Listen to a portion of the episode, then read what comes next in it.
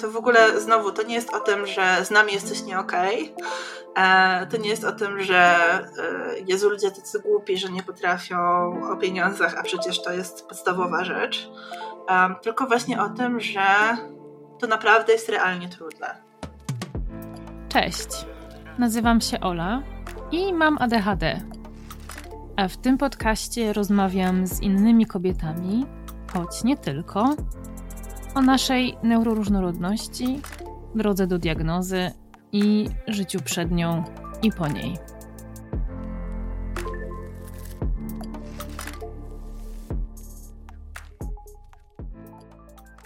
Cześć. Dzisiaj mam dla Was odcinek, którym bardzo się jaram i jestem też niezwykle ciekawa jego odbioru. Ale zanim opowiem Wam, z kim i o czym tu gadam, to chcę Wam zadać pytanie, na które możecie sobie odpowiedzieć w myślach lub na głos dla samych siebie. Na ile wygodnie Wam na myśl o otwartej rozmowie o hajsie? Pieniądze to temat śliski. Często rozmawia się o tym z trudnością, albo nie rozmawia się wcale. No bo jak się okazuje, gadanie o hajsach tak naprawdę rzadko jest tylko o tym. Nie da się poruszać tego tematu bez brania pod uwagę kontekstu systemowego, jednostkowego, polityczno-społeczno-kulturowego, czy kwestii takich jak historia, wykluczenie, emocje czy trauma finansowa. Bo tak, gadanie o hajsach bardzo często jest tak naprawdę gadaniem o emocjach. Z kim ja o tym wszystkim tak tu gadam, zapytacie? Ha, otóż z Ilią Makówką, osobą ekspercką, zajmującą się strategią i coachingiem finansowym, którą możecie znać jako własny spokój. Ilia od 2020 roku pracuje z osobami prywatnymi, z jednoosobowymi działalnościami i z organizacjami nad ogarnianiem hajsów różnej wysokości. Pomaga ogarniać kwestie finansowe od zera, klarować sytuacje, układać plany i potem je realizować. No i co ważne, a może tak naprawdę w tym wszystkim najważniejsze – Ilia często pracuje z osobami queer i neuroodmiennymi, samo tak się zresztą również identyfikuje. Co chyba wystarczająco wyjaśnia, dlaczego to właśnie Ilię zaprosiłam do tej rozmowy. Bo ono się na tym temacie świetnie zna i dzieli się w tym odcinku nie tylko swoją historią i swoim spojrzeniem na finanse, które zresztą wnosi perspektywę nieco inną niż ta przedstawiana przez znanych w internetach bogatych, białych, cis mężczyzn prowadzących blogi finansowe – ale poza tym dostajemy tu kawałek edukacji o tym, od czego zacząć opiekowanie się hajsami i na co zwrócić uwagę, żeby to ogarnianie finansów nie kojarzyło nam się z ciężką robotą, a raczej było elementem dbania o siebie i swoje potrzeby w zgodzie ze sobą. Poza tym chciałabym podziękować wszystkim osobom, które zdecydowały się do tej pory wesprzeć mnie i postawić mi wirtualną kawę to dzięki Wam mogę dbać o to, żeby to, co robię, było robione na wyższym poziomie. A jeśli chciałybyście, chcielibyście mnie wesprzeć, to możecie to zrobić klikając w link, który widnieje na dole opisu tego odcinka albo w opisie profilu na moich socialach. No i już bez przedłużania, zapraszam Was do wysłuchania tej rozmowy. Cześć Ilia. Cześć Ola. E, bardzo miło Cię widzieć. Cieszę się bardzo, że e, przyjęłoś moje zaproszenie, bo ja lubię gadać o kasie. To bardzo nietypowe, powiem Ci, w naszym społeczeństwie. Zdaję sobie z tego sprawę i na pewno też ten temat poruszymy za moment. Mhm. Mm, ale powiem Ci, że no bo tak, ja Cię zaprosiłam tutaj po to, żeby pogadać o właśnie o pieniądzach, w kontekście neuroróżnorodności, ale też tak sobie myślę, że biorąc pod uwagę jakby tematy, które są bliskie tobie i mi jednocześnie z różnych powodów, to tak czuję, że nie unikniemy też innych kontekstów. Na przykład feminizmu tak. i tam paru innych jeszcze. ale to w związku z tym miałam takie pytanie, zanim przejdziemy trochę do Twojej historii w ogóle osobistej, chcę zacząć z grubej rury i tak mhm. bardzo on brand. Jako, że zajmujesz się edukacją w kwestiach związanych z hajsem, to pytanie brzmi tak. Co zrobić, żeby obalić kapitalizm? Okej. Okay. Podoba mi się. E, to jest, myślę, najlepsze pytanie do w ogóle, wiesz, początku tej rozmowy, bo zauważam, że w takich e, właśnie rozmowach, jak gdzieś przychodzę i wiesz, zaczynamy w ogóle od tego tematu, to ten antykapitalizm się pojawia jakoś tak zazwyczaj, wiesz, na koniec, jako jakieś do, dojaśnienie, mm -hmm. a tak mhm. naprawdę to. Yy no to to jest to sedno. Szczególnie właśnie w przypadku e, właśnie tego dodatkowego kontekstu neuroodmienności i właśnie jakiejś e, emancypacji od, od opresji różnego rodzaju. E, no więc jakby, okej, okay, jak obalić kapitalizm? Myślę, że grupowy sprzeciw, że to jest, to jest, to jest tylko i aż to, nie? Czyli właśnie budowanie szerokiego porozumienia i tej, też myślę takiej szerokiej zgody na to, że każdy z nas zasługuje na godne życie, nie? Bo to jest właśnie, to jest taka podstawa, która jest tak, tak po prostu nieoczywista i ta, tak po prostu w ogóle trudno osobom, które wiesz, nawet od, od bardzo długiego czasu jakoś próbują sobie prze, przepracować relacje z hajsem, e, trudno jest tak bardzo dojść do tego momentu, w którym naprawdę masz przekonanie, że ty zasługujesz na godne hajsy, na godną pracę, inne osoby zasługują na godną pracę, godne hajsy, nie? I są osoby, którym łatwiej jest um, łatwiej jest zacząć od innych, mhm. szczególnie takie osoby, które na przykład często pomagają, nie? które jakby mają dużo empatii, które um, też na przykład wychodzą z trudnych warunków i po prostu E, widzą w jaki sposób te trudności budują ich otoczenie i co to, co, co to powodowało. E, więc czasami jest nam łatwiej najpierw się, najpierw jakby dać to zezwolenie na zewnątrz, a dopiero potem sobie. A są osoby, które e, na przykład wychodzą w drugą stronę to też jest w ogóle ciekawe, jak to się łączy z poglądami politycznymi. Mhm. E, czyli najpierw sobie, a potem zaczynają widzieć, że hmm, to może jeżeli ja chcę mieć taką jakość życia, to może nie powinnam, e, nie powinnam um, uważać, że to jest ok, że ktoś pracuje w sweatshopie, nie? Więc jakby to jest um, to jest ciekawe to obserwować, ale myślę, że tak, po prostu czy po prostu, no nic, nie, nic to nie jest po prostu. Um, grupowy opór i to po prostu to musi być rewolucja. A jak myślisz, czemu ludzie jeszcze nie, nie inaczej, czemu nie wszyscy jeszcze skumali, że kapitalizm to nie jest taki system, który nam służy? Bo kapitalizm ma wyśmienicie działający marketing.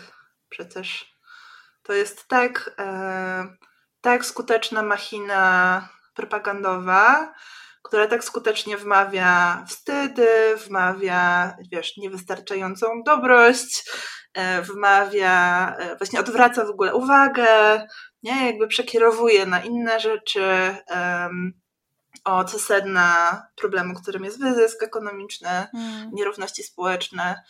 Um, tak po prostu skutecznie obrzydza nam w ogóle też słowo klasa, nie? To po prostu wszystko to, jest, to jest jedna wielka, wielka machina, która działa na zasadzie rozpraszacza. Mhm. E, przez którą w ogóle dogrzebanie się do tego sedna, nie, że tutaj właśnie chodzi tylko i aż o jakość życia każdej jednej osoby i o godność, to jest po prostu jakaś czasami olbrzymia praca do wykonania, żeby w ogóle, w, w ogóle to zobaczyć. Mhm. Więc to nie jest dla mnie absolutnie o właśnie jakiejś, nie wiem, ułomności ludzi, o tym, że nie wiem, um, że są ludzie gorsi, lepsi, tylko właśnie o tym, że to jest tak, tak skuteczna perswazja. Hmm.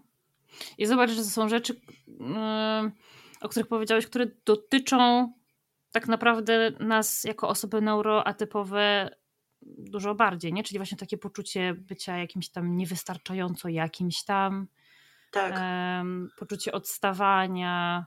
Tak, a jednocześnie właśnie, um, tak, właśnie jednocześnie jakby to jest ten sam vibe, nie? Czyli właśnie e, tylko trochę inny poziom natężenia, ale wydaje mi się, przynajmniej znowu, oczywiście mówię z perspektywy osoby, która po prostu w tym siedzi od bardzo dawna, ale ja uważam, w sumie podobnie też jak w temacie neuro, e, niebinarności, jak w temacie w ogóle wrażliwości na, na nierówności, na dyskryminację, że to nasze odstawanie ułatwia zobaczenie tego całego systemu. Nie? Bo jakby my po prostu z, bardzo często z defaultu jesteśmy gdzieś na obrzeżu, gdzieś obok.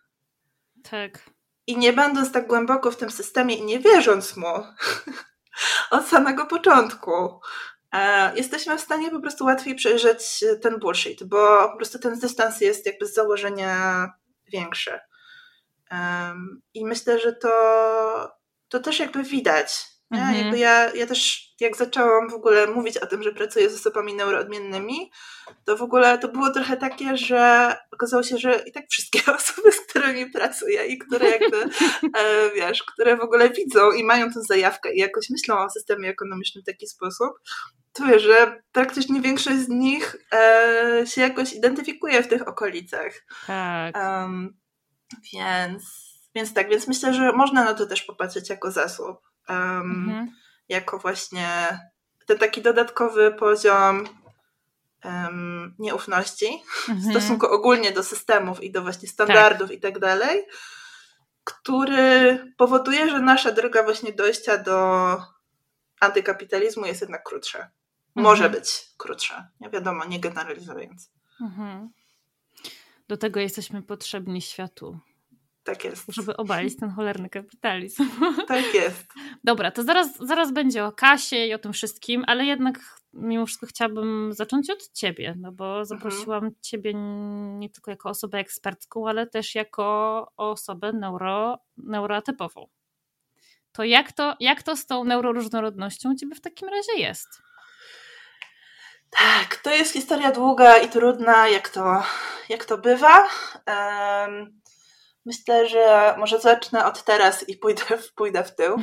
Um, ogólnie jest tak, że ja się właśnie chyba najbardziej identyfikuję ze słowem neuroodmienne e, w tej chwili.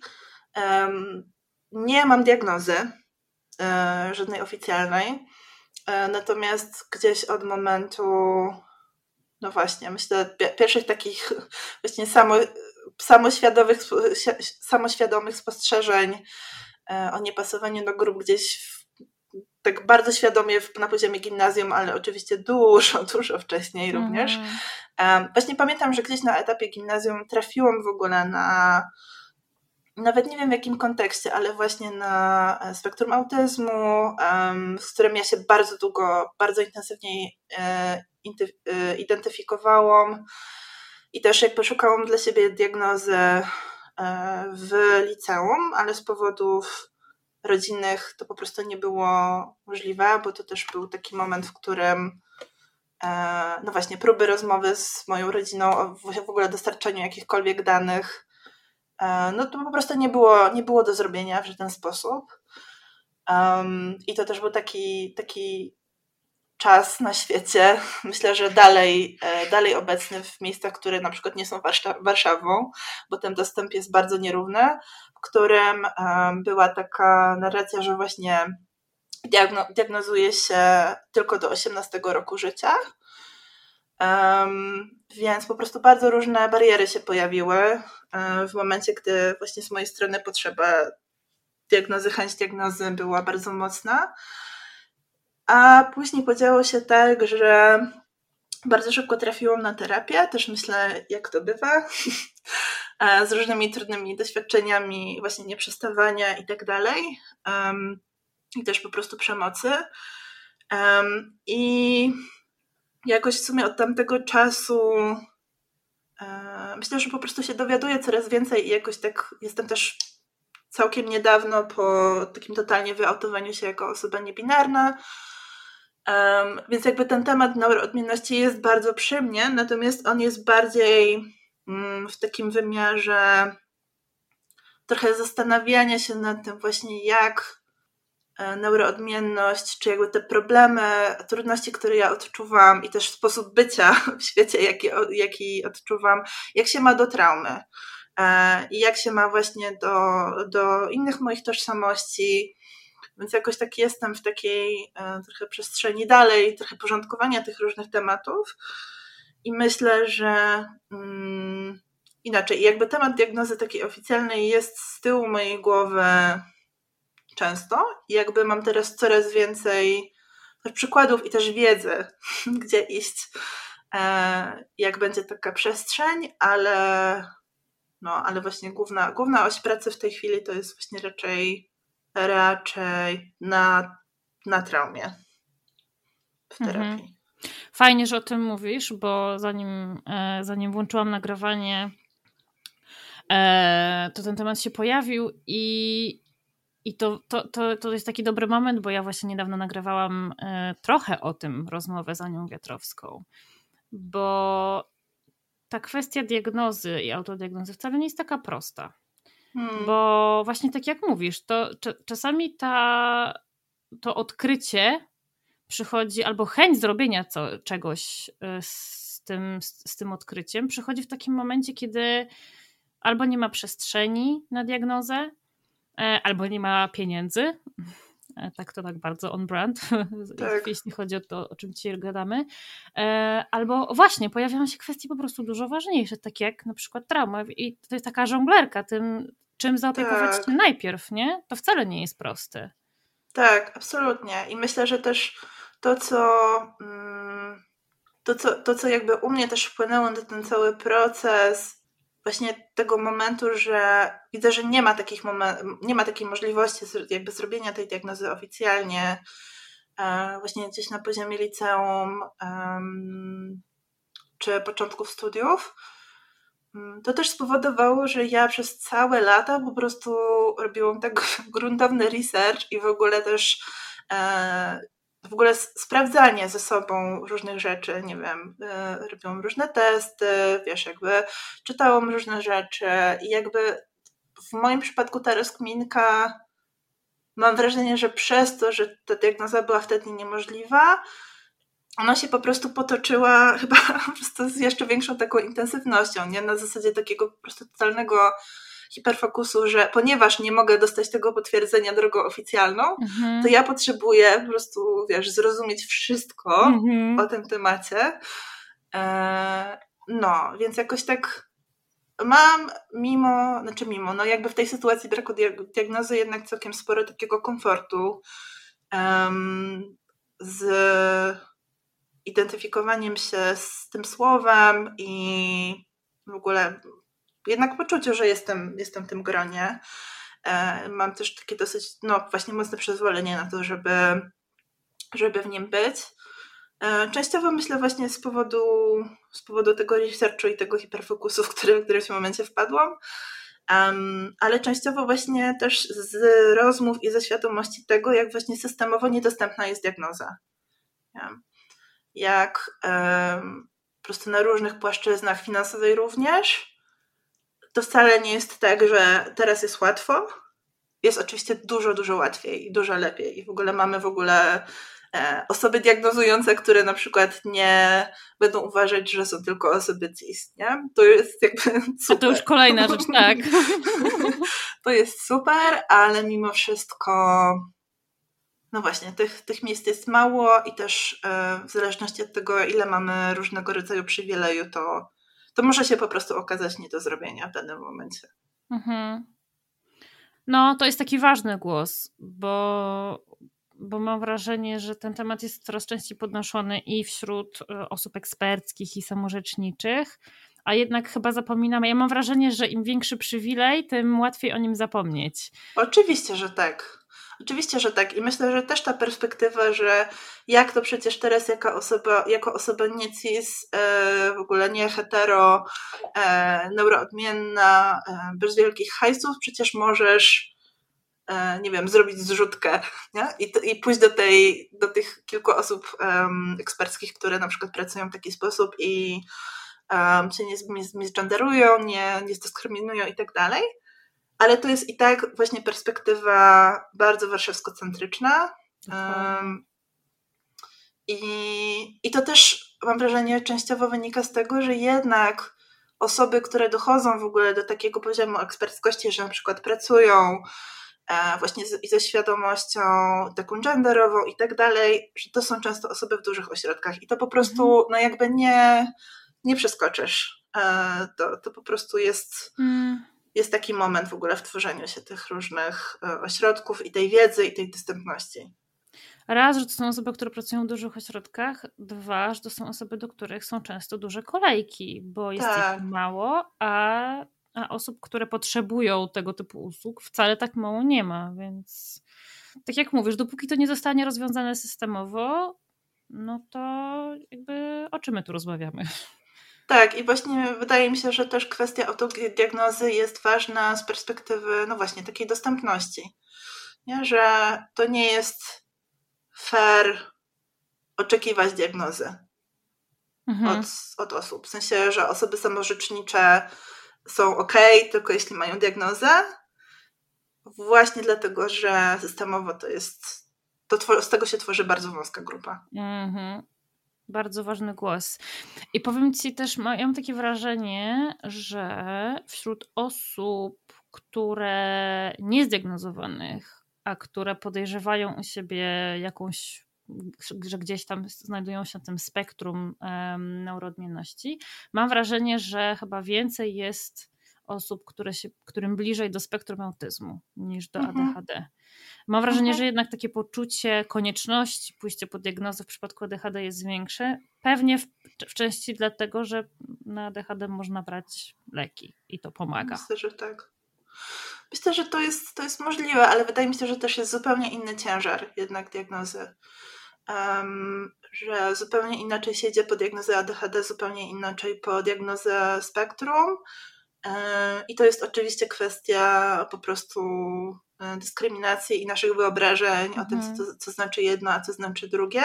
Mhm. I to tutaj też jest case z mojej rodziny, gdzie e, właśnie osoba, mm, tak, osoba z mojej najbliższej rodziny nie zareagowała w żaden sposób na diagnozę ADHD, osoby bardzo blisko mnie, ale właśnie przy moim jakby podniesieniu te, tematu spektrum autyzmu to po prostu w ogóle nie, nie było, w ogóle nie było nawet jak, jak podnieść tego tematu. Mhm. Pojawiła się taka ściana i taki sprzeciw i taka w ogóle taki dramat, że w ogóle można o mnie myśleć w taki sposób.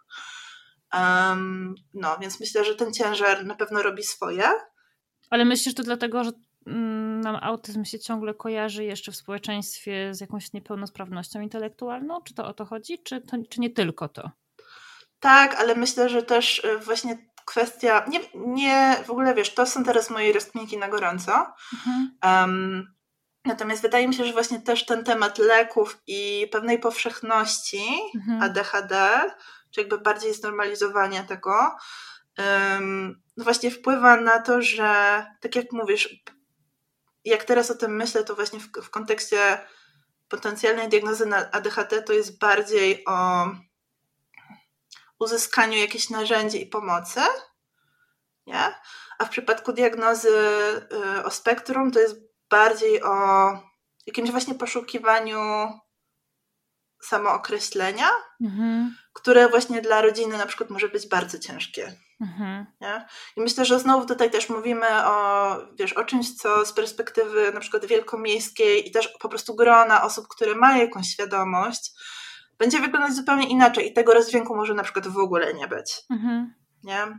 Ale jeżeli, jeżeli po prostu jesteś w, w takich okolicznościach, których E, no właśnie, no właśnie. E, robisz wszystko, co, co się da, żeby w ogóle uniknąć tego tematu i jeżeli autyzm równa się dramat, e, no to myślę, że to też, to też będzie wpływało na to, kto, kto szuka diagnozy. Mhm, mhm. Tak sobie myślę, że pod tym kątem mm, autyzmowi chyba dość blisko do niebinarności, nie? W takim razie.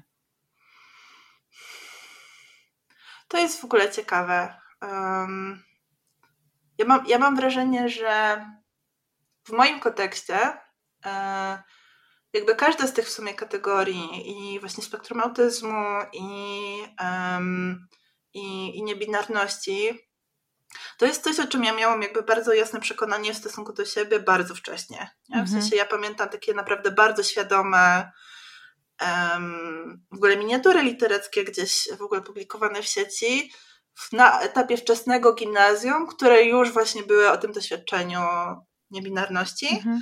a jednocześnie jakby w tym samym czasie bardzo jasne mm, jakby podobne pisanie wokół tematów e, neuroodmienności. Ja więc to po mhm. prostu u mnie to jest bardzo sklejone. Jakby mam mhm. wrażenie, że jedno, jedno jakoś jest bardzo splecione z drugim. Um, I tutaj też wracając właśnie do tematu zdystansowania od, e, od różnych norm, że po prostu też nazwanie sobie neuroodmienności trochę pozwoliło mi się w końcu wyotować jako osoba niebinarna, ale też jakby pozwalać sobie na tą etykietę bardzo wcześnie mhm. I tą tożsamość. Tak, więc to też jest ciekawe, bo jakby wiem, że też są w ogóle rozmowy o e, takiej osobnej tożsamości płciowej, prawda, związanej z neuroodmiennością. Tak. Um, jest mi to właśnie z jednej strony bliskie, um, bo właśnie nie, nie, jestem w stanie w ogóle nawet rozdzielić tych dwóch rzeczy w mojej mm-hmm. głowie. Um, tak, z drugiej strony jest mi jakoś właśnie wygodnie pod, pod parasolem takiej właśnie ogólnej um, niebinarności i e, też jakoś tak solidarnie z osobami trans, pod parasolem trans. Um, ale tak, jest to, jest to bardzo ciekawe. I też bardzo dużo mi dało w ogóle przy okazji researchu dowiedzenie się, jak wiele osób neuroodmiennych identyfikuje się niebinarnie. To też w ogóle było bardzo duże takie zasilenie. To jest mega ciekawe. Wszystkim. A masz w głowie statystyki teraz, tak żeby przytoczyć? Nie pamiętam. Właśnie, nie pamiętam co, co z kimś rozmawiam, to nikt nie pamięta. A sama, a, a, sama jestem zbyt leniwa, żeby spojrzeć w końcu i tego poszukać jeszcze raz, bo kiedyś, kiedyś oczywiście do tego dotarłam. E, ale to jest niesamowicie fascynujące. E, I aż niesamowicie fascynujące jest to, że tak mało się to bada ciągle, że wiesz, tak. że nikomu się nie chce nad tym pochylić i żeby się temu przyjrzeć. A widzisz, bo tu jest jeszcze kolejny temat, jakby e, różnicy pomiędzy poszukiwaniem diagnozy na ADHD a na spektrum autyzmu i to jest po prostu seksizm, nie? Czyli jakby e, ADHD jako bardziej znormalizowana diagnoza, dlatego że jakby przez długi czas to była diagnoza chłopców, więc jakby ona się po prostu musiała społecznie jakoś przyswoić, bo przecież wszystko co męskie to jest normalne. Oczywiście. Nie? E, a diagnoza spektrum autyzmu u osób socjalizowanych do, kobiet, do roli kobiety, jak wiemy, jest jakby zupełnie, zupełnie innym tematem, w którym jakby dopiero w ogóle zaczynamy e, mieć szersze zrozumienie tego, tak. E, jak może wyglądać spektrum autyzmu. E, więc myślę, że, że to też to też wpływa, to musi wpływać. Zdecydowanie. Zdecydowanie. No, to są bardzo ciekawe kwestie. Mm. A jak to się łączy z, z kasą? Hmm. Wiesz co? E, na pewno tak zupełnie indywidualnie, prywatnie u mnie to się łączy, moja neuroodmienność z kasą się łączy w taki sposób, że to był po prostu jakiś taki jakaś taka, to była jakaś taka dziura, w której w którymś momencie wpadłam i właśnie też musiałam się o wszystkim, wszystkim e, dowiedzieć, musiałam w ogóle zrozumieć, jak działa e, system e, finansowy i to się zaczęło od takiego totalnie przypadkowego triggera, E, że zaczęłam e, właśnie tak trochę kątem innych moich umiejętności pracować w firmie, która robiła taki research ryzyka też na potrzeby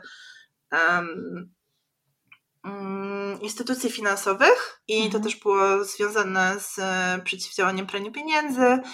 I ja jakoś w ogóle widząc ten system, jakoś w ogóle z konieczności w pracy, obserwując ten system finansowy z boku, miałam takie wow, to jest w ogóle fascynujące, to jest tak skomplikowane, że jakby jak te wszystkie rzeczy się do siebie mają i właśnie jak działają instytucje finansowe, jak te e, finanse przepływają, e, jak to się ma do jednostek, jak właśnie te pieniądze wpływają na, na życie, życie osób, że wiesz, że mnie po prostu wzięło i wsiąkło na dobre, dobre kilka lat w takie właśnie rozkminianie na każdym możliwym froncie, o co chodzi z tym hajsem. Mhm. To było i na poziomie właśnie takim instytucjonalnym um, i właśnie tego, jak inwestują olbrzymie e, olbrzymie firmy, olbrzymie korporacje, ale też olbrzymie organizacje e, i fundacje, jak przepływa właśnie ten pieniądz.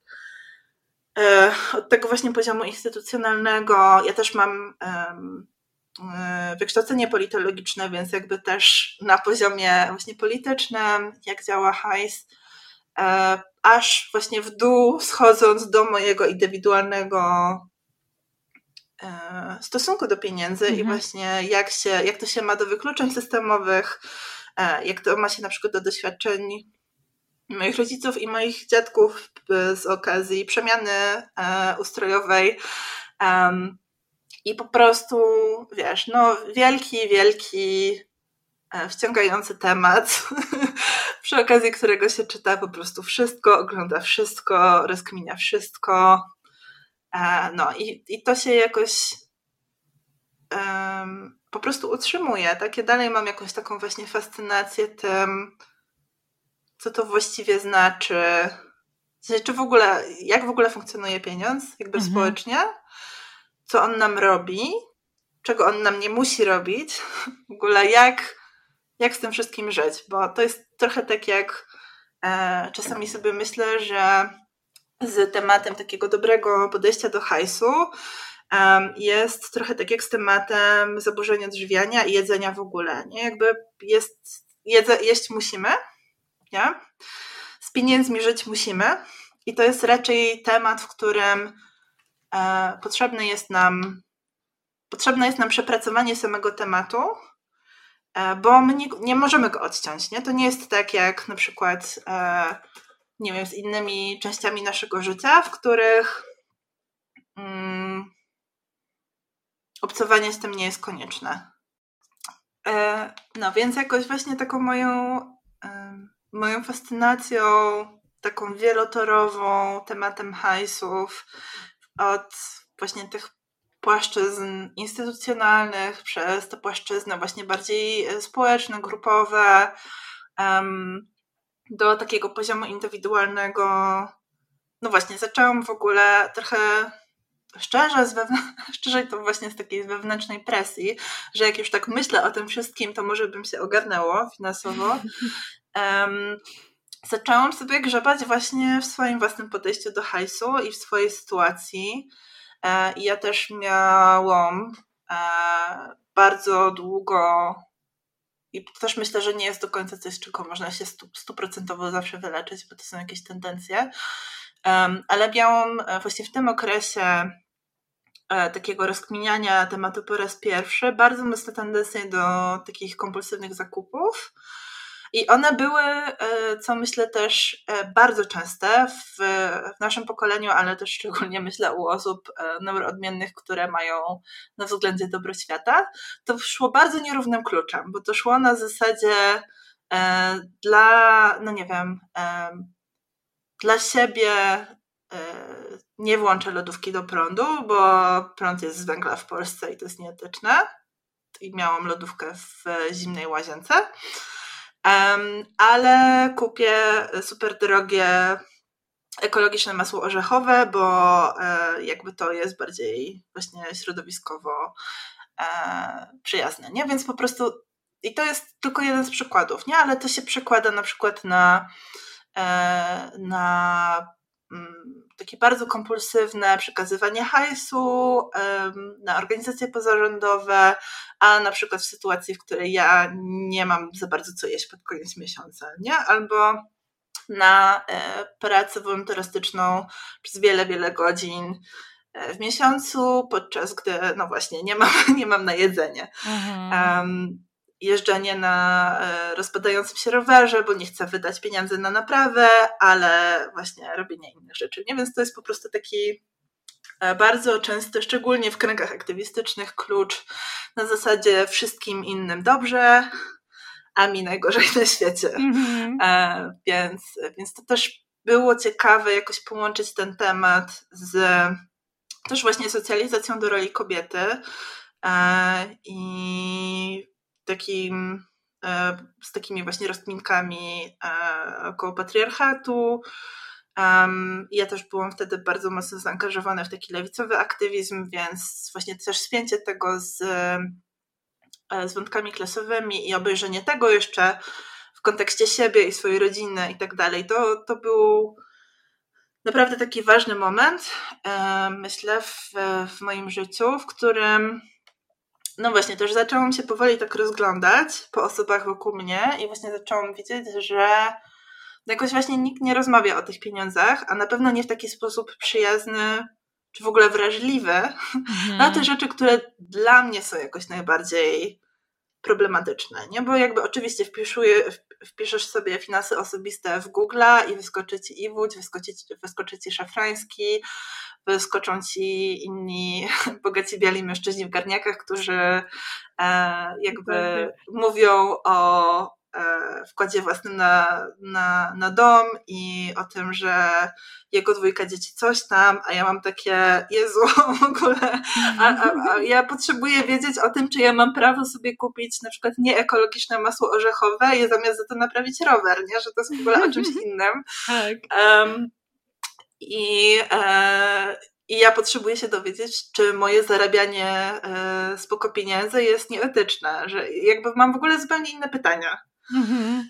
Um, I jakoś tak, ponieważ e, research w internecie to jest rzecz, którą myślę też jak większość osób z naszego e, pokolenia robi bardzo dobrze, ale też szczególnie osoby neuroodmienne, po prostu takie wpadnięcie w rabbit hole internetowy 321, e, więc właśnie odkryłam wtedy dla siebie kilka właśnie takich queerowych, feministycznych edukatorek finansowych w, w internecie to były wtedy bardzo niszowe blogi, które teraz są bardzo popularne. Mhm. Te osoby nam pisały potem książki i to jest w ogóle też super widzieć, jak, jak to, się, to się rozwija, no ale to jest oczywiście e, w takim bardzo anglosaskim nurcie, który też jest czymś zupełnie odmiennym do e, naszych doświadczeń w Polsce.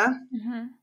E, więc, więc jakoś właśnie tak w którymś momencie jak to bywa, ja też miałam wcześniej jakieś inne podejścia do pisania bloga, kiedyś pisałam właśnie takiego około politycznego, e, krytycznego e, bloga, więc jakoś tak w którymś momencie mnie natchnęło, że no właśnie, że ponieważ nie ma takich głosów za bardzo, e, czy ja ich nie widzę w naszym kręgu kulturowym i po prostu też w naszej grupie osób o jakby podobnych wyzwaniach, no to może ja coś tam coś tam podziałam. Um, więc w ogóle mój własny spokój na początku był totalnie takim, myślę, można powiedzieć, typowym blogiem finansowym, to znaczy podsumowania miesiąca, jakieś grafiki e, o tym, na co poszedł hajs i tak dalej. E, I właśnie stopniowo zaczął się bardziej rozwijać w stronę takich bardziej, um, no właśnie, rzeczy nie o mnie, mhm. ale rzeczy dla ludzi. No i, i jakby tym tropem to się wszystko podziało, a myślę, że jak to bywa z osobami, które po prostu zaczynają coraz bardziej rozkminiać temat, to po prostu w miarę budowania i moich zasobów wiedzowych i też po prostu rozmawiania z różnymi osobami, no to też własny spokój się zaczął przekształcać w coś trochę innego. No i domyślam się, że jakby docelowo głównie dzisiaj pracujesz e, z osobami, które są bliskie tobie i twoim ideałom, i twoim wartościom. Mm. Tak, myślę, że to jest e, taka z jednej strony duża zaleta, ale też trochę pułapka e, mm, zafiksowania się na, na pewnych rzeczach, że ja trochę, ja jakoś mm, myślę, że tak jak często przy, przy neuroodmienności. Ja mam trudności z tym, żeby trochę odpuścić moje wartości. Nie? W sensie ja mhm. nie. To, to nie jest coś, czym ja jestem w ogóle zainteresowany. To nie jest coś, co w ogóle jest nawet możliwe w większości sytuacji. Nie? To jest po prostu o tym, że ja jak o czymś mówię, to to musi być stuprocentowy obecny stan wiedzy. jakby to musi być zgodne ze mną, bo inaczej mhm. wydaje mi się to nudne i bez sensu. Nie? Więc wydaje mi się, że po prostu takim automatem i takim trybem e, trochę w naturalny sposób okazało się, że pracuję z osobami często nie cis, często nie hetero i często neuroodmiennymi. No i tyle. To się super składa, bo w takim razie doskonale wiesz na pewno y, z czym my się borykamy, jeśli chodzi o, o hajs. Mhm. I zaraz do tego przejdziemy, ale na początek takie pytanko w zasadzie to i proste, i trudne, myślę sobie. Dlaczego my tak nie lubimy gadać o tych hajsach? Wstyd. Wstyd wypływający z socjalizacji, e, to takie domniemane, domniemany brak, brak kompetencji, nie? to, że nam się wydaje, że nie umiemy, więc jak to już jest z założenia trudne, no to jakby nie da się o tym za bardzo rozmawiać. E, I taki po prostu wstyd e, międzypokoleniowy, nie? To, że po prostu my też tak społecznie nie mamy doświadczenia stabilności ekonomicznej, mhm. nie? E, każde, każde pokolenie ma totalnie inne warunki, w których w ogóle doświadczało pieniędzy, totalnie inne wyzwania i też praktycznie, praktycznie na każdym etapie po prostu traumę finansową, traumę niedostatku, um, takie właśnie doświadczenie olbrzymiej zmiany. E, teraz się rzeczy kapitalizm, który po prostu, wiesz, dociska takim metalowym e, butem nie? do ziemi, więc jakby to wszystko powoduje, że to, to jest po prostu bardzo nieatrakcyjny temat. Um, bardzo trudny, bardzo naładowany emocjonalnie. Um, więc mnie to w ogóle nie dziwi. Nie? To w ogóle znowu to nie jest o tym, że z nami jest coś nie okej.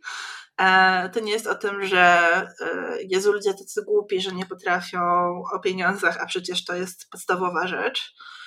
Tylko właśnie o tym, że to naprawdę jest realnie trudne. Mhm. To nie jest to nie jest temat tak jak wybór herbaty. Nie? To nie jest y, tak, jak y, bardzo często blogerzy próbują mówić, że no bo to jest tylko o braku wiedzy. Nie, absolutnie nie. To jest też o właśnie emocjach w ciele, to jest o biedzie, to jest o głodzie, to jest o, e, o dyskryminacji w pracy, e, o mobbingu. Nie? Te wszystkie tematy to jest, to jest po prostu turbo częste doświadczenie doświadczenie przynajmniej jednej z tych osi, a często wielu, szczególnie przy neuroodmienności. Więc tak jest tutaj element wiedzowy, jak najbardziej, e, że wiedzę można po prostu uzupełnić, że można po prostu e, dostać narzędzia i potem już sobie świetnie radzić, ale to jest najczęściej sytuacja właśnie uprzywilejowanych osób, e, cishet, które, które też jakby wyrastają w stabilnym domu, ze stabilną sytuacją finansową, a gros osób potrzebuje równocześnie dostać wiedzę i dostać narzędzia oraz być w stanie w bezpiecznych warunkach przejść przez te wszystkie emocjonalne tematy, które powodują, że po prostu włącza nam się totalna blokada w mózgu, nie? że po prostu nie da się rozmawiać o pieniądzach. To budzi tak duży dyskomfort, że niektóre osoby totalnie na przykład właśnie dysocjują albo w niewydawanie, albo właśnie w kompulsywne wydawanie pieniędzy, mhm. a inne osoby właśnie kompulsywnie próbują się wykopać z, ze swojego dyskomfortu, um, ale na przykład czują, że się totalnie kręcą w kółko. Bo też przepracowanie tych, tych emocjonalnych rzeczy i, i w ogóle jakieś podejście do tych tematów szerzej niż tylko narzędzia, jest bardzo mało miejsc, w których to jest, to jest faktycznie do zrobienia. Nie? Bo to jest znowu mm. takie sprzężenie różnych tematów, przy którym musi być interdyscyplinarne podejście e, i musi też być wrażliwość na te różne rodzaje wykluczenia, na systemowe problemy, a to już jest dosyć no po prostu skomplikowana wiedza. To jest niesamowite, bo ja przyznam osobiście, nie myślałam o tym aż tak bardzo w ten sposób. I chyba większość z nas nie zdaje sobie sprawy z tego, że mówienie o kasie wcale nie jest tylko mówieniem o kasie, że tam jest, hmm. że on jest, że to jest czymś dużo bardziej szerszym.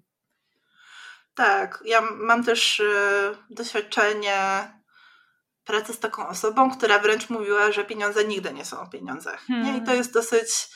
E, myślę, że nie jestem aż tak skrajnie nastawiona, bo jednak czasami pieniądze są tylko o pieniądzach i tylko o cyferkach, i jakby tylko o, e, tylko o policzeniu rzeczy, i, i po prostu są momenty, nieliczne, w których jesteśmy w stanie zobaczyć, że hajs jest neutralny.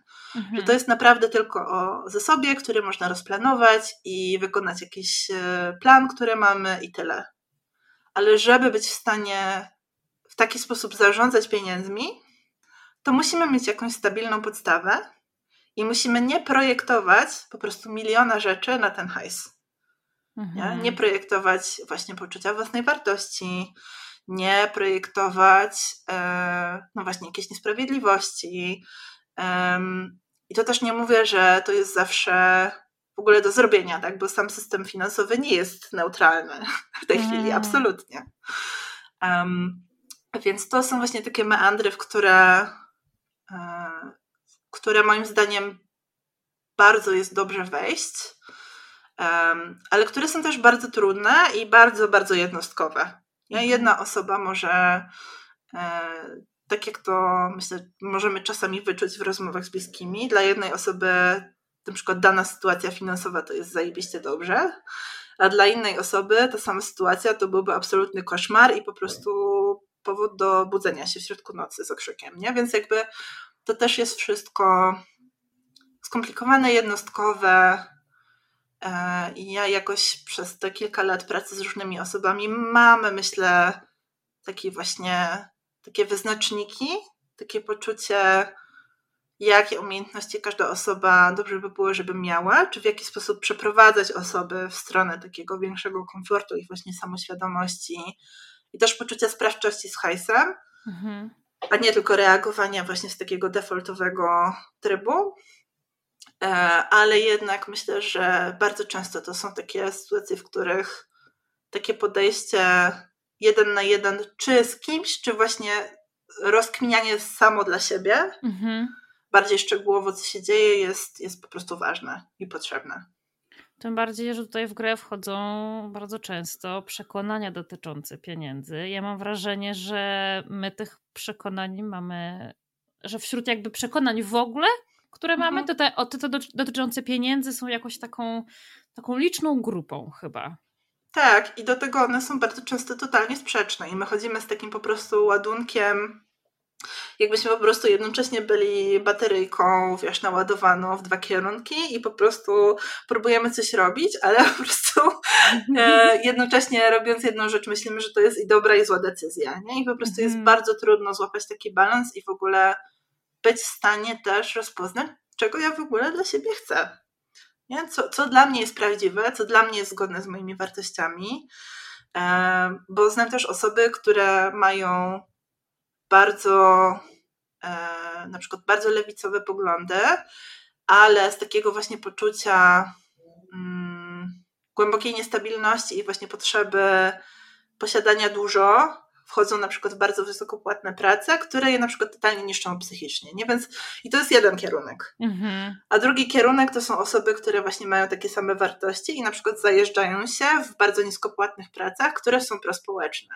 Mhm. I te osoby z kolei będą miały inny rodzaj trudności z hajsem, bo będą w ogóle na przykład często czuły wkurw i obrzydzenie myśląc o pieniądzach, totalnie nie zauważając, że to im tylko replikuje trudną sytuację. Mhm. Nie, więc to jest to, to, co jest bardzo trudne w tym temacie, to jest to, żeby trochę nadać różne ciężary tym różnym przekonaniom mhm. i jakoś trochę sobie wyczyścić, wyczyścić stół, nie? czyli poznać, co ja chcę, co mi na przykład służy, co mi działa, co mi pomaga, a co jest na przykład jakoś związane z tym, co wyniosłam na przykład z domu i już już nie funkcjonuje. To już nie jest mhm. zdrowy mechanizm bycia w świecie. Mhm. A z czym osoby neuroodmienne mają największe problemy z Twojego doświadczenia pracy z takimi osobami, właśnie w kontekście pieniędzy? Mhm. Myślę, że to jest w ogóle pytanie, na które osoby słuchające tego podcastu, e, że po prostu w ogóle nie będą zdziwione, bo myślę, że tak na takiej osi e, ogólnie nazywanej, czy na takiej właśnie osi w kierunku ADHD to jest kwestia impulsów e, i stymulacji przez zakupy, przez brak zakupów, przez nowości, brak nowości i tak dalej. A na takiej osi, znowu bardzo upraszczając, ale na takiej osi właśnie w stronę autyzmu to jest kwestia potrzeb. Mhm. Nie? I myślę, że to też jest bardzo sztuczny podział, w ogóle mówiąc o tym osobno, Myślę, że właśnie um, impulsy i potrzeby to są takie dwie, dwa złote tematy, jeśli chodzi o temat hajsów i, i neuroodmienności. E, niezależnie od tego, jaką mamy diagnozę, czy jak mhm. się samodiagnozujemy.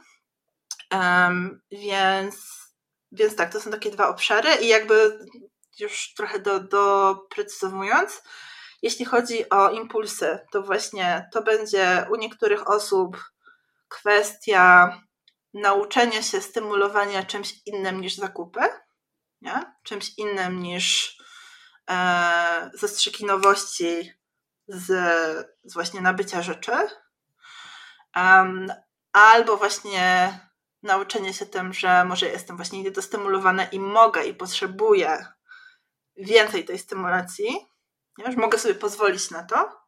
I to jakoś przechodzimy właśnie do obszaru potrzeb, bo często jest tak, że my no właśnie nie mamy wybadane, e, nie mamy wybadane, czego właściwie dla siebie potrzebujemy, albo sobie na to nie pozwalamy.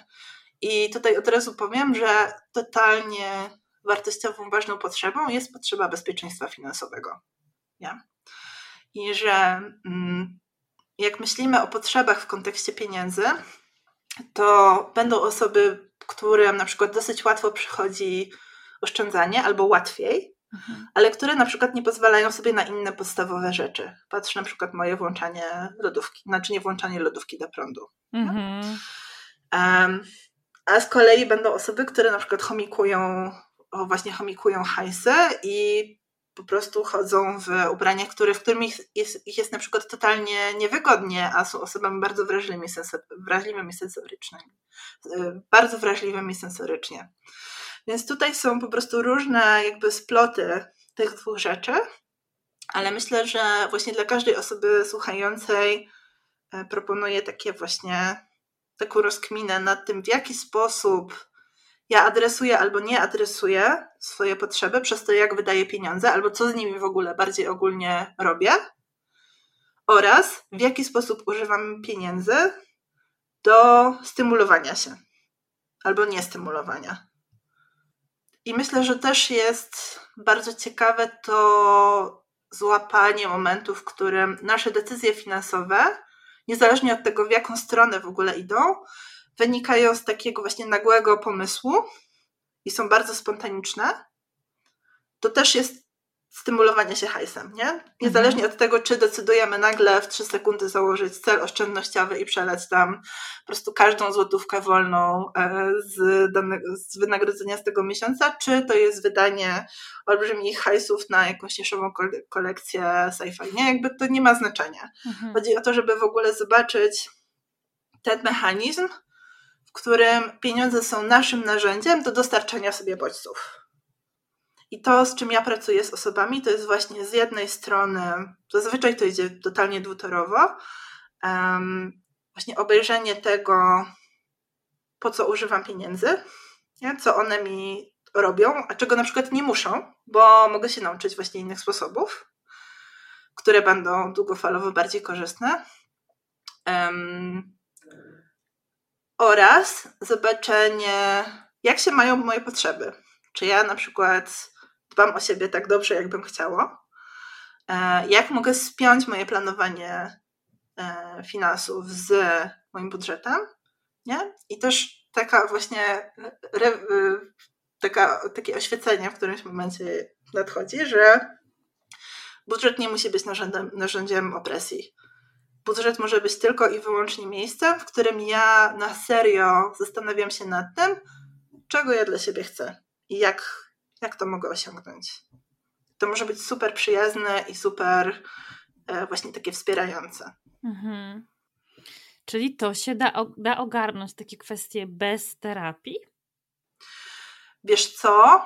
To jest bardzo ciekawe pytanie, dlatego że w moim doświadczeniu osoby, które mają już jakąś zaczętą tą rozkminkę, bardzo często były albo są w terapii, mhm. nie? bo w ogóle dochodzą do tych tematów też jakoś tym frontem.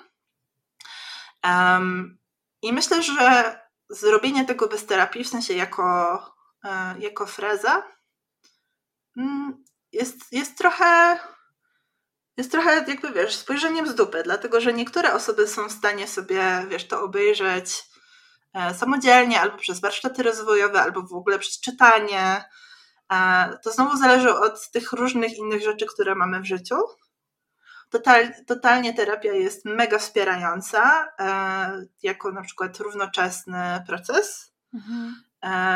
przy takiej pracy ze mną.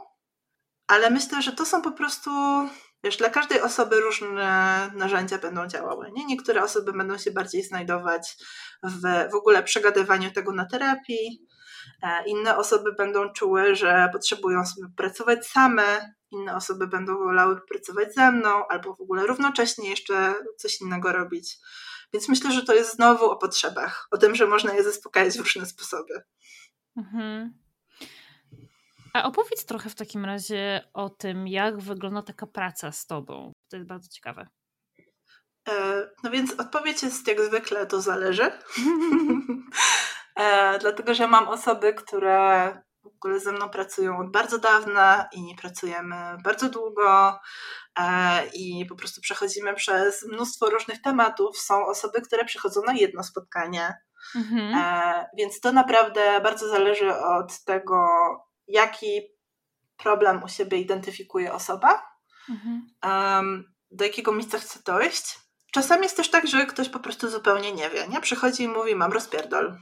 I wiesz, i zaczynamy po prostu, i wtedy moją pracą, e, moim wsparciem e, na początku jest takie właśnie wyciąganie tych nitek, nie? czyli też nazywanie, e, nazywanie tych mechanizmów, które osoba opisuje, bardzo często osobom też pomaga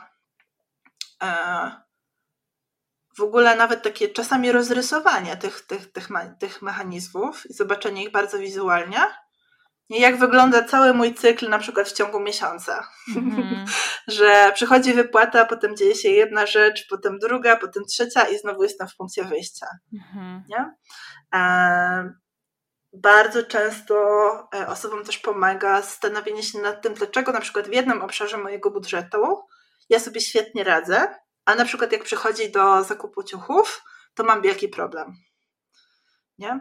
Więc to jest, myślę, e, jest taki szereg różnych sytuacji, które się powtarzają często, z którymi osoby do mnie przychodzą ale jednak bym powiedziała, że każdorazowo to jest trochę odkrywanie, co dla, co dla tej osoby jest, jest ważne i w którą stronę ona potrzebuje dla siebie pójść. Mhm. Więc my pracujemy zarówno tak po prostu czysto, czysto w rozmowie. Absolutnie są też e, sytuacje, w których na przykład przygotowujemy razem budżet. W ogóle ja bardzo często tworzę od zera w ogóle narzędzia dla, dla osób stricte pod nie. To jest praca, która czasami się dzieje bardzo intensywnie, czasami przez wiele miesięcy, e, a czasami wiesz, na trzech spotkaniach. Więc tutaj tak na dobrą sprawę nie ma, nie ma jakiegoś szablonu. Mhm. Um, moja ulubiona odpowiedź, to zależy. no niestety. No niestety życie nie jest takie proste. Myślę, że gdybym tutaj, wiesz, przyszła z taką, z taką trzyetapową e, trzyetapową instrukcją, co zrobić, żeby czuć się świetnie z hajsem, to wszystkie osoby słuchające miałyby takie, co to za kurwa amerykański poradnik. Przy, e, opracowany przez e, białego, cis, hetero, tak. bogatego gościa. Tak. Tak, więc ja proszę, ja proszę o właśnie zauważenie, że ponieważ rozmawiamy o osobach, które myślą dużo intensywnie, to często rozwiązania e, takich właśnie clusterfucków też muszą być niejednoznaczne i trochę bardziej skomplikowane. No ale to ma sens, jakby tylko rozwiązania szyte na miarę mogą działać, mm. zwłaszcza w naszym przypadku, kiedy my potrzebujemy, tak. na, potrzebujemy naprawdę dostosować wszystko do swoich indywidualnych potrzeb.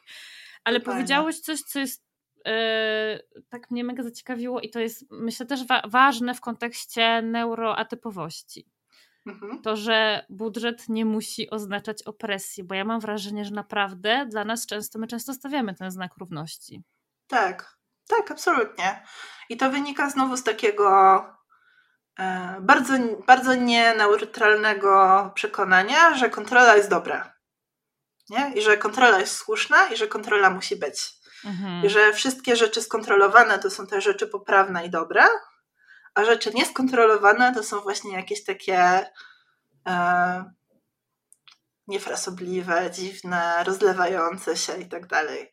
Nie? Co jakby większość e, czy sporo osób z mózgiem, który nie jest normatywny, wie, że gówno prawda. Nie? Że mhm. jakby jako osoba zmieniająca się co trzy sekundy i rozlewająca się wszędzie i w ogóle zmieniająca zdanie e, o tym, co chce robić ze swoim życiem co rok, dobrze wiem, że kontrola powoduje, że ja czuję strach, że jest mi źle, że wciskam się po prostu w jakieś normy, które totalnie nie są moje i zaczynam się po prostu gubić. Nie? E, dlatego też w kontekście samego budżetu, właśnie jako narzędzia, ja mam bardzo wiele różnych propozycji, jakby w, w moim zanadrzu. E, I budżet naprawdę nie musi być Excelem. Budżet może być rysunkiem. O. Budżet może być karteczką post-it. Budżet może być e, po prostu w naszej apce bankowej nie jest po prostu jest tak dużo różnych sposobów budżetowania, czyli uwaga, planowania, jak wydaje hajs, a czasami nawet nie planowania, tylko jakby egzystowania w ramach jakichś wytyczonych sobie e, zasad, nie? E, że dla mnie jest po prostu szokujące i też myślę, jak po prostu neurotypowe osoby chyba tak żyją, szokujące jest dla mnie, jak mało kreatywności jest w tym, że Excel to ma być budżet. Mhm. W sensie jakby jest tyle, innych, jest tyle innych możliwości, które w ogóle mogą działać, wiesz, dużo lepiej i być po prostu dużo bliższe tym, jak my w ogóle operujemy wiedzą, jak się uczymy, jak układamy rzeczy. Nie? Jestem totalnie osobą, która jak e, coś wymyśla, łącznie z tekstami, łącznie z tabelkami, łącznie ze szkoleniami, to ja to potrzebuję narysować ja to potrzebuję widzieć. Dla mnie najbardziej sensowna forma budżetu to jest, yy, to jest rysunek. To jest mega.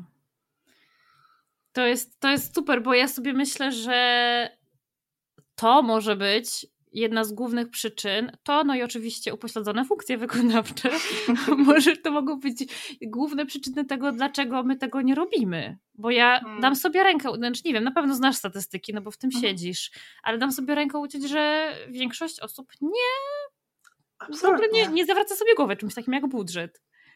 To nawet nie jest, nie zawraca sobie głowę, to jest raczej tak, że wydaje, wydaje się tej osobie, że musi, więc coś robi wedle norm, a potem tego w ogóle nie realizuje. Nie? Mhm. Czyli i to przy też takim e, e, występującym również u osób neurotypowych totalnym perfekcjonizmie, to jest tak, że siądę i ułożę po prostu piękną tabelkę, a potem już nigdy do niej nie wrócę. To jest myślę taki, takie solidne 90% doświadczeń z budżetem. O ile, że... o ile ktoś w ogóle tę tabelkę stworzy. Y, albo ściągnie z internetu. Okej, okay, no tak, to, to no. faktycznie.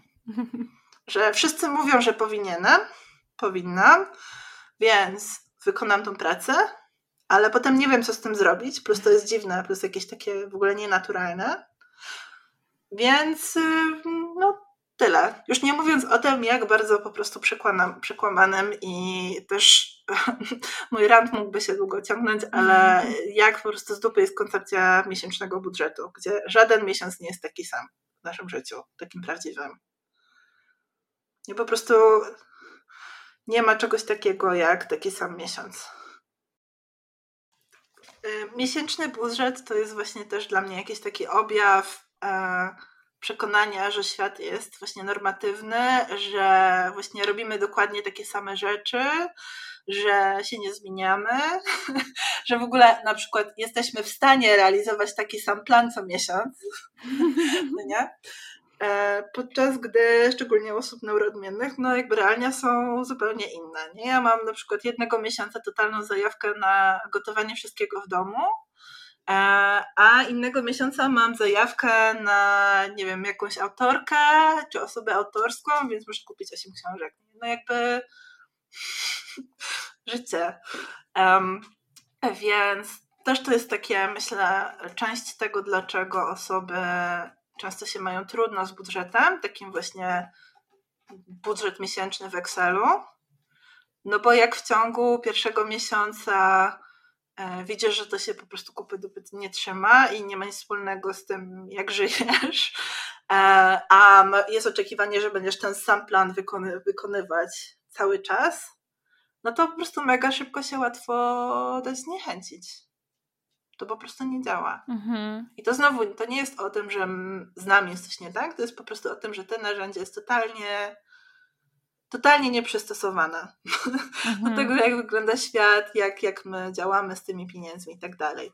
Chociaż bywa też tak, że mm, po jakimś czasie osoby są w stanie, czy w ogóle osoby dochodzą do takiego momentu, w którym e, pojawia się większa przewidywalność miesiąca na miesiąc, bo właśnie uczymy się w inny sposób działać z bodźcami, z bodźcami, uczymy się właśnie przewidywać pewne rzeczy, uczymy się właśnie trochę bardziej stabilizować to, w jaki sposób e, wydajemy pieniądze.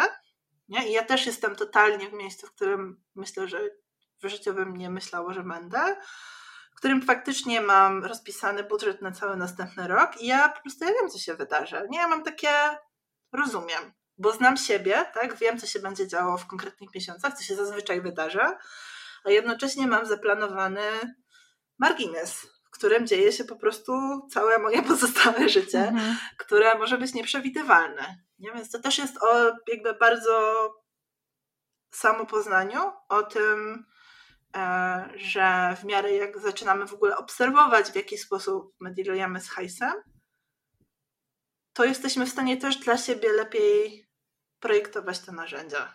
Mhm. Ja też sobie myślę, i tutaj padło słowo takie dosyć istotne, mam wrażenie, w naszym przypadku nieprzewidywalność. Bo to też tak, tak często jest z nami, że y, no nam trudniej jest niż osobom neurotypowym utrzymać pracę, um, pracować tak jak nasi rodzice, wiesz, przez 30 lat w tym samym tak. miejscu, to już w ogóle nie ma, nie ma racji bytu. E, więc to jest pojawia się właśnie dodatkowa trudność tej, w tej postaci, no bo jak tu, jak tu planować budżet, mhm. jak tu w ogóle zajmować się hajsem, jak my się martwimy o to, czy my w ogóle pracę będziemy mieli za miesiąc. Tak, pewnie. E, I to znowu jest taka rzecz, którą e, traktuje się jako, wiesz, jakiś totalny margines tematu finanse osobiste w świecie normikowym, a które jest właśnie totalnie główną osią rozkminy po stronie e, właśnie naszej grupy. Więc e, i tutaj jakby jest kilka różnych odpowiedzi na to, jak to zrobić, w zależności od tego właśnie, co kogo mniej przeraża, e, jak się komu na przykład lepiej myśli, albo, albo w ogóle planuje, albo rozkminia. Bo są takie właśnie odpowiedzi, powiedzmy, trochę bardziej zbliżone do tego, co się robi tak mainstreamowo. E, czyli na przykład właśnie taki e, roczny budżet, w którym jesteś w stanie mm, trochę widzieć, w których miesiącach masz na przykład nadwyżki, w których masz dołki i po prostu planujesz trochę bardziej długofalowo, nie? Czyli na przykład jeżeli są osoby, które pracują na zleceniach albo na dziełach, i one są w stanie nawet, wiesz, z mm, miesięcznym wyprzedzeniem albo dwutygodniowym wyprzedzeniem już widzieć, ok, pan teraz realizuje jakąś rzecz, za którą dostanę pieniądze za jakiś czas. I po prostu są w stanie sobie po prostu lepiej wizualizować przez to, że patrzą przez per perspektywę roku albo kwartału, a nie przez perspektywę, wiesz, takich odosobnionych miesięcy. I to już powoduje jakiś większy rodzaj stabilności, bo ty wiesz, wiesz, co się dzieje. Mhm. Nie? I też zbierasz dane na na przykład przyszły rok, mhm. w której, nie wiem, jeżeli pracujesz w tej samej branży drugi rok z rzędu, to już masz jakieś wyczucie, kiedy są na przykład zlecenia, a kiedy nie. Mhm. A kiedy jest cicho. Nie? E, I to jest jakby jedno, jedno rozwiązanie. Drugie to jest właśnie na przykład takie rozwiązanie, to jest tak zwany budżet kanapka, to jest e, moje, nie zakopirajtowane, ale, e, ale moja nazwa, w którym mamy policzony stały poziom takich totalnie koniecznych wydatków, nienegocjowalnych. Mhm. I to jest stała kwota, o której my wiemy, mamy nazwane, nie? że to jest na przykład, nie wiem, 3000 zł, albo 5000, albo 2,5, albo 1,5, nie? I to jest ten przychód, który my musimy mieć co mhm. miesiąc, nie? żeby w ogóle żyć. Tak. I to z jednej strony właśnie ułatwia myślenie naprzód, bo my wiemy, że dobra, muszę mieć przynajmniej tyle i to jest moje pierwsze zadanie. dojść do tego, żeby ten hajs się pojawił. Niezależnie od tego, z jakiego źródła. Mhm. A wszystko powyżej tego poziomu właśnie podstawowego, tego chleba, to, jest, to są kwoty, które na przykład dzielimy procentowo. Nie? Czyli mm, jeżeli w, na przykład w pierwszym miesiącu, jeżeli, ok, moja podstawa to jest na przykład 2,5 tysiąca złotych i w miesiącu numer jeden zarobię 5 koła, to te 2,5 powyżej podstawy dzielę wedle jakichś procentów na, nie wiem, e, rozrywkę, na oszczędzanie, na cokolwiek tam, tam chcę. A na przykład jeżeli w następnym miesiącu zarabiam 2,600, to tylko tą stówę jakby dzielę wedle tych wytycznych. Nie? I to jest właśnie jeden z takich przepisów na e, działanie w sytuacji totalnie braku stabilności. Nie? Że jakieś wytyczne masz. Mhm. I ta kanapka właśnie może być na posticie na ścianie. Nie? To może być to może być tyle. E, tak, i wtedy jakby Twoim takim budżetowym zadaniem to jest po pierwsze zadbać o to, żeby te podstawowe hajsy były, a po drugie, jak już wiesz, ile masz do dyspozycji, to po prostu przeliczasz przez te ustalone procenty i wiesz, ile masz na przykład na książki, nie? Jakby takie coś. I takich różnych, wiesz, narzędzi jest, jest kilka i jakby mogłabym też o tym długo, długo mówić, bo po prostu dużo różnych case'ów się przewinęło. Nie okay. dla niektórych osób e, takie coś działa, dla innych to jest na przykład za mało konkretne, dla innych jest za bardzo konkretne. Um, więc, e, więc to po prostu też zależy. Ale to, co właśnie chcę głównie powiedzieć, to jest, że to jest absolutnie kwestia właśnie zmienienia myślenia z ja się muszę dostosować do narzędzi, na ja potrzebuję znaleźć narzędzia, które dla mnie działają, które mi porządkują, które mi jakoś w ogóle roz, rozjaśniają tą sytuację i powodują, że ja wiem, z czym w ogóle obcuję. Nie? Co tu się w ogóle dzieje. Mhm. Super. Um, a tak się zastanawiam nad jedną rzeczą, bo jest kolejny problem, który dotyczy większości, znaczy nawet nie większości, wszystkich osób, zwłaszcza z ADHD. To jest związane z poczuciem czasu i to jest mhm. to, że my potrafimy działać tu i teraz. Tak wszelkie próby jakiegoś takiego projektowania przyszłości, no mhm. to są już bardzo problematyczne, bo po prostu nie jesteśmy w stanie sobie tej przyszłości wyobrazić, bo co to znaczy za tak. miesiące, za rok. Jak tak. sobie poradzić z tym? Mhm. Tak, to jest w ogóle super że, super, że to wspominasz, bo ja też jestem bardzo mocno w tym obozie. W mhm. sensie ja nie. E, ja, ja muszę czuć tu i teraz, żeby w ogóle cokolwiek, cokolwiek zasadniczo, Um, I moja, uh, moja perspektywa na to jest taka, że to nie jest tak, że ty w tym momencie nie czujesz niepokoju o swoją emeryturę. Ty ją absolutnie czujesz. Nie? To jest z tyłu głowy, to jest taki cichy szum, takiego o Boże, o Boże. Przypomniałoś mi teraz. Tak, przypomniałoś mi teraz o emeryturze i właśnie, właśnie poczułam ten stres. No właśnie. No właśnie. Więc to w ogóle nie jest tak, że jak rzeczy są daleko w przyszłości, to my o nich nie myślimy. Mhm. To jest raczej o tym, że my próbujemy o nich nie myśleć, próbujemy o nich zapominać, ale że jak naprawdę sobie tak szczerze siądziemy i pomyślimy o tym, hmm, jak się ja mam z moją sytuacją finansową dzisiaj i teraz, to ja mam od razu tak, no mam oszczędności na jeden miesiąc życia, więc jakby w tym momencie mnie to niepokoi. E, no właśnie nie mam żadnego majątku, nic nie, nie odziedziczyłam, e, w ogóle nie mam żadnych zasobów poza właśnie moimi kompetencjami zawodowymi. To mnie też niepokoi. Więc to, co ja bardzo e, polecam, oczywiście to jest turbo trudne, nie? I jakby tak jak mówisz, to już jest niekomfortowe, jak w ogóle nawet się wrzuci temat emerytura, ale to jest jednak próba takiego szczerego zastanowienia się, co ja bym dzisiaj i teraz robiło z moimi hajsami, gdybym naprawdę o siebie chciało dobrze zadbać. Hmm. Gdybym naprawdę chciało dla siebie dobrze. Więc ja, ponieważ ja tu i teraz już mam jakiś z tyłu zgrzyt, emerytura, oszczędności, stabilność, brak majątku i tak dalej, to, co, to, co ja, to w takim razie to, co ja tu i teraz mogę zrobić, to jest chociażby w minimalny sposób to jakoś zaadresować. Nie?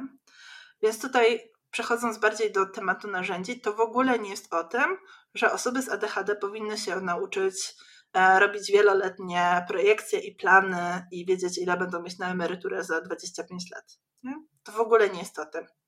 To jest o tym, żeby osoby, które właśnie mają trudność z wyobrażeniem sobie przyszłości, co by the way nie jest tylko o neuroodmienności, to jest też po prostu o stanie świata w tej chwili. To prawda. um, potrzebują dać sobie trochę tej sprawczości i rozpoznać, że one w tym momencie tą niepo, ten niepokój już odczuwają. Nie? Że tam jest właśnie jakaś potrzeba, która jest niezaadresowana. Nie? Zupełnie inaczej się czuje osoba nieposiadająca budżetu na 5 lat, która wie, że ma, e, nie wiem, konto oszczędnościowe, na które przelewa 5 zł e, tygodniowo, albo nie wiem, na przykład złotówkę codziennie. To już może być taka codzienna, takie codzienne działanie. Mhm. W zasadzie ja dzisiaj dbałam o swoje oszczędności, przelewam złotówkę. Zajebiste swoją drogą. E, niż e, taka osoba, która wie, że gdzieś to jest i właśnie płynie w tym tu i teraz i na przykład za 5 lat zdecyduje się oszczędzić 300 zł. Mhm. Nie? Więc to jest dla mnie też, też właśnie o takim właśnie głębszym ściągnięciu, ściągnięciu się do tego, co się dzieje w tej chwili.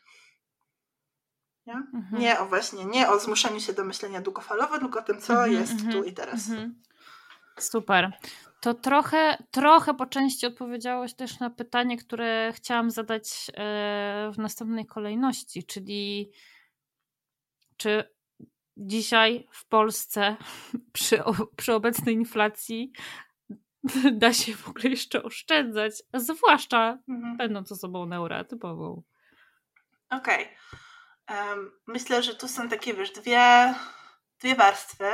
Jedna to są właśnie realia finansowe, ekonomiczne i inflacja, która, ja tylko powiem coś, co już pewnie słyszeliście, ale inflacja zawsze była i zawsze będzie.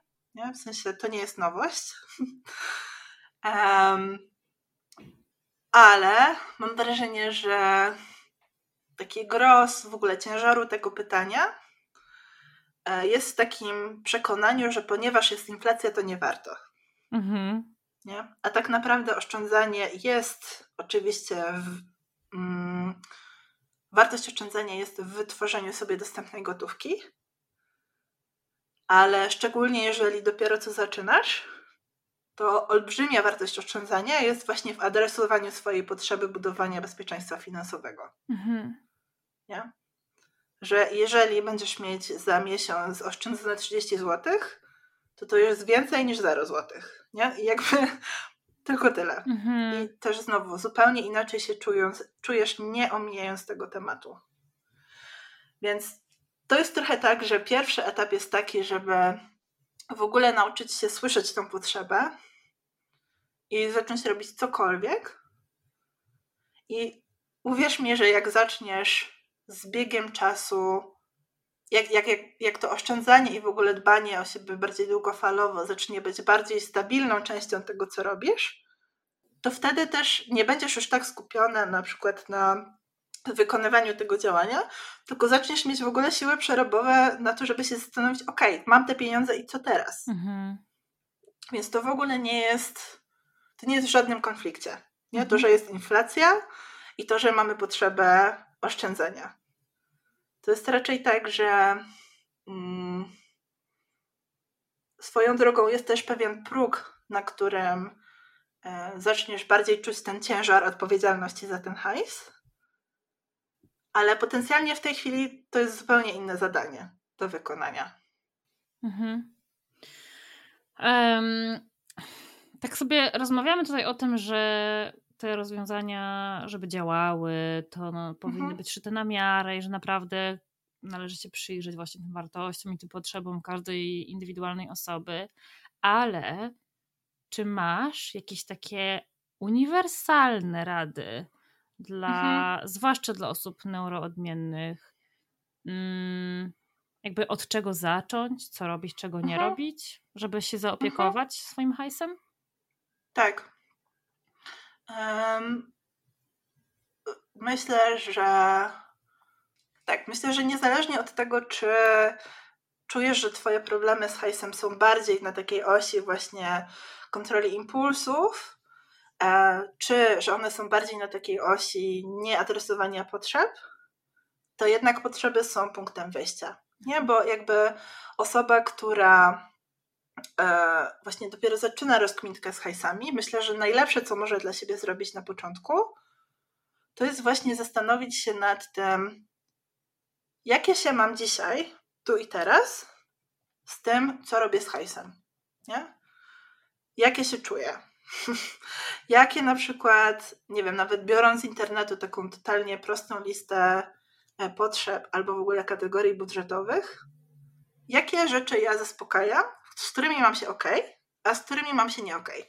Gdzie na przykład chciałabym, chciałbym, chciałabym wydawać więcej, a gdzie myślę, że byłoby fajnie wydawać mniej. Nie? I to jest zajebisty punkt wyjścia, bo on nam pokaże na przykład, czy to jest tak, że ja ogólnie wydaję za dużo, na przykład czuję, że ja wydaję za dużo, to już jest jakaś konkretna informacja. Czy to jest na przykład tak, że mam pieniądze, ale boję się ich wydać. Albo czy na przykład jest tak, że nie wiem, wydaję e, babiliony na książki, a na przykład nie jestem w stanie sobie kupić nowych spodni. Nie? Więc myślę, że takie właśnie pierwsze zadanie, totalnie nie o kwotach, nie o Excelu, nie o niczym, tylko właśnie o tym, jak wygląda moje obcowanie z, z hajsem. To jest bardzo dobry punkt, stary, punkt, punkt wyjścia. E, a później e, to, co proponuję, to jest właśnie zastanowienie się nad tym, czego potrzebuję, żeby być w stanie zbliżać się w stronę e, właśnie takiej zmiany. Nie? Czy ja na przykład, czy wydaje mi się, że potrzebuję zarabiać więcej? Czy może potrzebuję właśnie narzędzia tu budżetu? Nie? Jaki jest następny krok? To jest to mhm. pytanie. Czyli najpierw potrzeby, a potem po obejrzeniu tych potrzeb pytanie, jaki jest następny krok. Nie? I to, to naprawdę wystarczy mhm. na początek. Bo jak już będziesz w ogóle bliżej tego, co, co tam u ciebie, to potencjalnie zaczną ci się po, pojawiać pomysły. Mhm. Czy, czy na przykład w tym momencie bardziej by mi pomogło rozpisanie sobie budżetu, czy ja na przykład, nie wiem, potrzebuję pogadać z moją przyjaciółką o tym, jak ona to robi, że na przykład wydaje mniej na jedzenie. No nie wiem. Jakby są po prostu bardzo różne ścieżki. A może potrzebuję znaleźć e, przepisy w sieci, które mi podchodzą, które mnie nie triggerują, które są jakby sensorycznie na przykład ok dla mnie. I może to jest jakby ta następna rzecz, bo widzę, że jakby zamawiam codziennie żarcie z dostawą i to w tym momencie przy moich obecnych zarobkach nie jest coś, co nie działa. Nie? Więc tu jest po prostu może różnych rzeczy, które mogą się pojawić. Może być tak, że na przykład okaże się, ok, ja w sumie nie wiem potrzebuję to z kimś przegadać potrzebuję się nad tym zastanowić, ale myślę, że u wielu osób e, już jakieś pomysły, pomysły zaczną się pojawiać po tych dwóch pytaniach. Mhm. Mm, to jeszcze na koniec powiedz mi, e, dla osób, które będą tego słuchać i stwierdzą, dobra, nie dam sobie rady sam, sama potrzebuję pomocy. Jak ty, jakby w jakich formach, oprócz pracy jeden na jeden, w jakich formach ty pomagasz takim osobom? Tak, w tym momencie y, jest taki okres w życiu własnego spokoju i moim, że e, jeden na jeden to jest jedyna, jedyna opcja e, z bardzo różnych powodów, ale to jest taki etap, e, więc no właśnie, to jest coś, co jest. Powinien być dalej dostępny mój podcast, który też jest po prostu bazą różnych pytań, które padały na różnych różnych etapach e, mojej pracy z ludźmi, e, przez które można się po prostu przekopać totalnie, totalnie bezpłatnie i to też jest jakiś punkt do rozkminy. Um, I można mnie też znaleźć gościnnie w różnych podcastach, na przykład tak jak tu, ale też w innych miejscach, w których e, na przykład bardziej kierunkowo rozmawiam o różnych rzeczach, czy to właśnie o ubraniach, o wydatkach na ciuchy, czy o tym, e, czego e, nie widać w tym momencie, bo jesteśmy w podcaście, ale o na przykład o grubancypacji, o moim doświadczeniu właśnie w grubym ciele i z tej perspektywy um, jak to się ma do hajsów i do życia zawodowego. Więc jest, są różne rzeczy, które powiedziałam i stworzyłam, które, które wiszą w sieci, które można odkopać, a poza tym jest w tym momencie e, właśnie praca jeden na jeden. Super. Podlinkujemy to, co trzeba. Także osoby, które będą potrzebowały Twojej pomocy, będą mogły Cię znaleźć. Ja Ci bardzo, bardzo dziękuję za to, że podzieliłeś się tym swoim, tą swoją wiedzą i doświadczeniem i w ogóle szapo dla Ciebie za to, że tak dużo wiesz o tematach, które dla mnie są ciągle taką enigmą straszną i których się bardzo nadal boję. Na pewno masz inną zajawkę, w której wiesz, pewnie byś mi w stanie była w stanie była opowiedzieć. Pewnie tak, pewnie tak. Chociaż mamy jeden, jeden wspólny temat sukcesja. tak, widzisz, właśnie to jest mój plan na dzisiaj. Także jeszcze raz dziękuję Ci bardzo za rozmowę. Dzięki. Dzięki wielkie.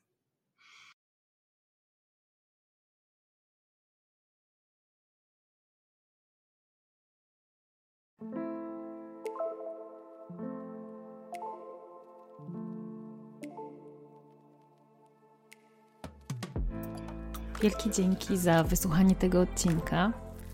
I oczywiście Spotify, YouTube czy TikTok nie powinny być wyznacznikami diagnozy.